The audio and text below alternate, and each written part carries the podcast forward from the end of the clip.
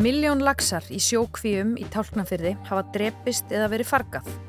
Á aðeins tveimur veikum síktist laxin í kvínum svo illa af laxalús að fiskurinn er allur ónýtur til manneldis. Reynt var að útrýma lúsinni með ýmsum ráðum en það gekk ekki. Sláandi myndir af illa leiknum og lúsjætnum laxi hafa byrst í fjölmjölum að undaförnu en þær tók kæjagræðarinn og aktivistinn Veiga Gretarstóttir á dögunum. Frettamenn Rúf fóru einni á staðin í gær og tóku fleiri myndir. Myndirnar eru meðal annars teknar með dróna yfir sjókvíunum og á þeim sérsta fiskurinn er með stóra kvíta flekki, aðalega um höfuðið en líka víðar. Kvítublettirnir eru sár og í sárin koma svo bakterjur. Fiskurinn er svo illa leikinn að erfitt er að horfa á þessar myndir. Greta Sigriður Einarstóttir er fréttamaður rúfa á Vesturlandi og Vestfjörðum og hún er nýkominn frá Tálknanferði.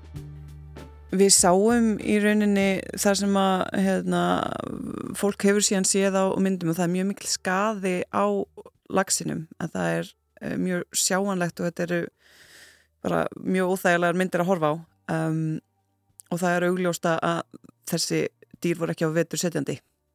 Fyrsta sem mann hugsaði náttúrulega bara hvernig, af því að þetta er ekki fiskur sem er þarna sjálfviljur, heldur, heldur er þarna í eldi, að hugsa maður hvernig verður hægt að koma í veg fyrir þetta. En þegar uppbygging á lagseldi hófst hér á landi var því ítrekkað að haldi fram að lagsalúsin gæti ekki breyðst út hér. Þess vegna væru til dæmis aðstæður við vestfyrði kjörnar fyrir eldið.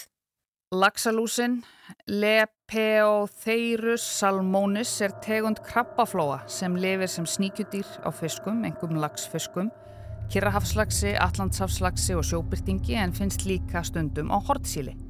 Laxalúsin nærist á slími, róði og blóði hísilsins. Þær festa sig sjálfar við hísilinn en þegar þær eru lausar geta þær borist með strömmnum og vindi um efri lög sjávar þanga til þær finna annan hendugan hísil. En þrátt fyrir að heita laxalús er laxalús ekki lús, heldur krabbadýr. Og hún er ekki kræsilegt kvikindi. Hún er pínu lítil, svo litið eins og baunaspýra í útliti með haus og ekkjathráð, brún með hvítum hala. Þær hafa karldýr og kvendýr og átta þróskastig. Sviflægar lirfur klekjast úr eggjum sem liggja í strengjum utan á kvendýrinu og kjör hittastig sjávar fyrir lúsina er um 10 gráður en það er þóla alveg 2 gráður. Og þá er bara að finna rétta hísilinn, rétta lagsin til þess að lifa á. Þegar hann er fundinn, festur hún sig með svokalluðum grip fálmurum á lagsin og þegar það er klárt getur litla lúsa lirfan byrjað að nærast á slími, húð og blóði lagsins. Þegar hún er komin undir húðina býr hún til ánga til þess að festa sig betur og þetta er allt saman undir húðinni. Og þá er komin tími á hamskipti yfir í næsta lirfustig. Þá festur hún sig betur á lagsin með límkendum vökva og verður næstum því fullorðin.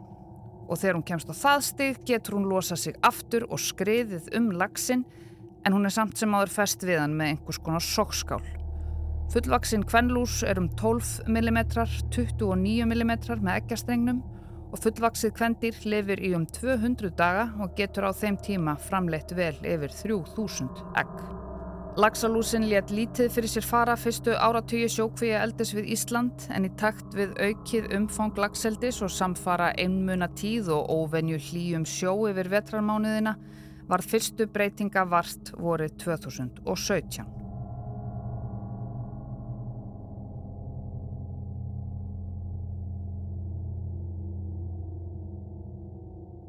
Sérgreinadýralæknir hjá MAST eh, hefur sagt mér að það hafi verið háar lúsatölur á svæðinu í daldinn tíma.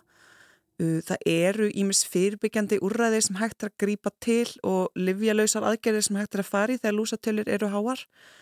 Það sem hins var er náttúrulega áhugavert við þetta er að það hefur lengi verið talað um að hér á landi séu aðstæður ekki þannig að lús þrýfist yfir vetur. Meðal annars þess vegna séu svæðið fyrir vestan svona gott fyrir lagseldi af því að lúsin ætti ekki að vera svona mikið vandamál.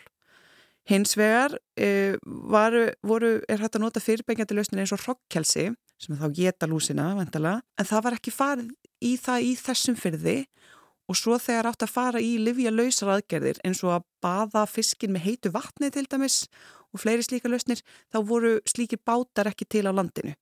Þannig að er ímislegt hægt að gera til að fyrirbyggja og tryggja að svona komist ekki fyrir, kom ekki fyrir aftur til dæmis bara að einfalda ferla hafa þessa báta á landinu og ímis úrræði til en það var ekki til staðir þessu tilviki. Hann verður ekki notaður til manneldis þannig að það þarf ekki að neinar áhyggjur af því en og það var rétt mat hjá fyrirtækinu fyrirtækið mata sjálft að bara að dýra, dýravelferðar ástæðum þá ætti að farga lagsinum og dýralega hjá maður stelja það rétta ákverðin. Hefur lifið lagsalús áhrif á lífrikið í sjónum? Þau eiga ekki að hafa áhrif á lífrækið þar að segja að það settur dúkur undir kvína og, og meðan að lagsin er baðaður þannig að þetta á ekki fara mikið út í. Hins vegar er það náttúrulega bara þannig að livjanótkun getur valdið ónæmi og það, þú vilt forðast það í lengstu lög að þurfa beita livjum fyrir utan það þá var þegar að ljósta svona háar tölur í lagsalúsinni sáust núna í september herri tölurinn hafa sérst áður hér á landi uh, þá var kerfið heldur ekki stakkbúið til að bræðast við því. Kerfið mastar ekki tilbúið að bræðast við neðatilvíkum þennan átt. Það þarf að abla samþykist frá livjanótkun fyrir nótkun livja og það líður nokkur dagar þá glæðir að fara í það. Já, það var niðurstaða ríkisendurskoðunar sem nýlega skoðaði fiskaldi á Íslandi að stjórnsísla og eftirlit með greininni væri veikburða og brotakent hér á landi.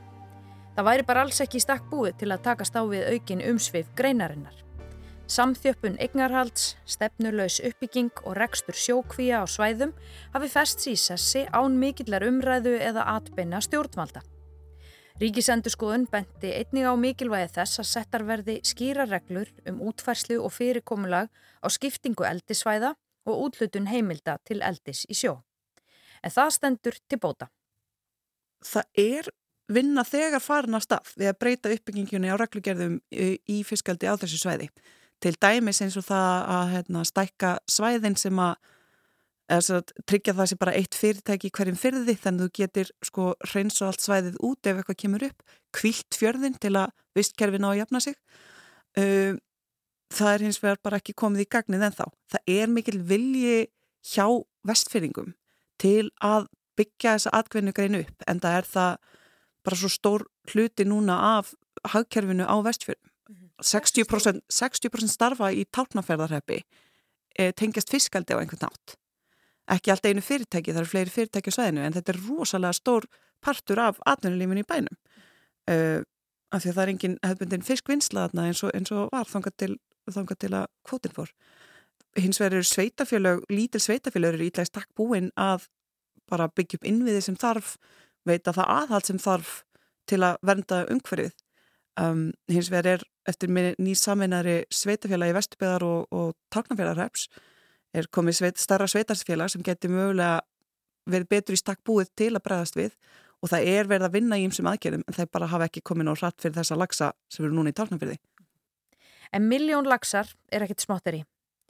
Arctic Fish hefur svo sem reynslu af lagsadauða því fyrra drápustum 600.000 lagsar í kvíum fyrirtækisins í dýrafyrði. Þá var lagsadauðin sagður stafa af blóðflæðisvanda vegna þrengsla í kvíunum. Tjónið var þá metið á 1,5 miljard íslenskra króna. En óljóst er hversu mikið fjárarslegt tjón hlýst af dauða þessara miljón lagsa sem nú umræðir.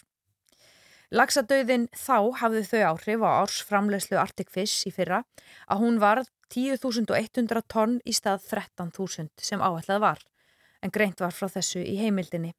Þetta er yðnaður sem að hefur, er að ná fótvestu þarna og er strax orðið mjög stór hluti af efnaheginu fyrir vestan.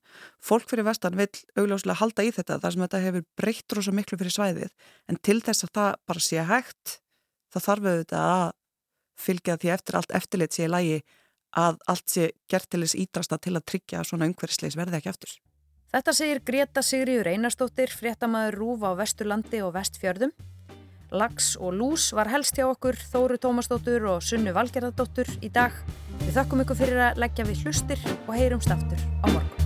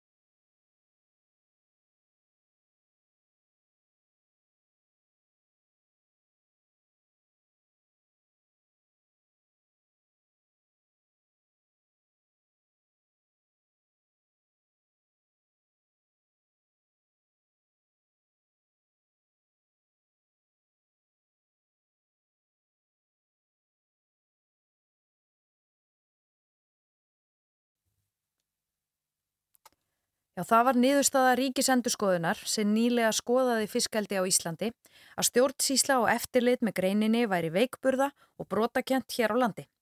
Það væri bara alls ekki í stakk búið til að takast á við aukin umsvið greinarinnar. Samþjöppun eignarhalds, stefnurlaus uppbygging og rekstur sjókvíja á svæðum hafi fest sísessi án mikillar umræðu eða atbeina stjórnvalda.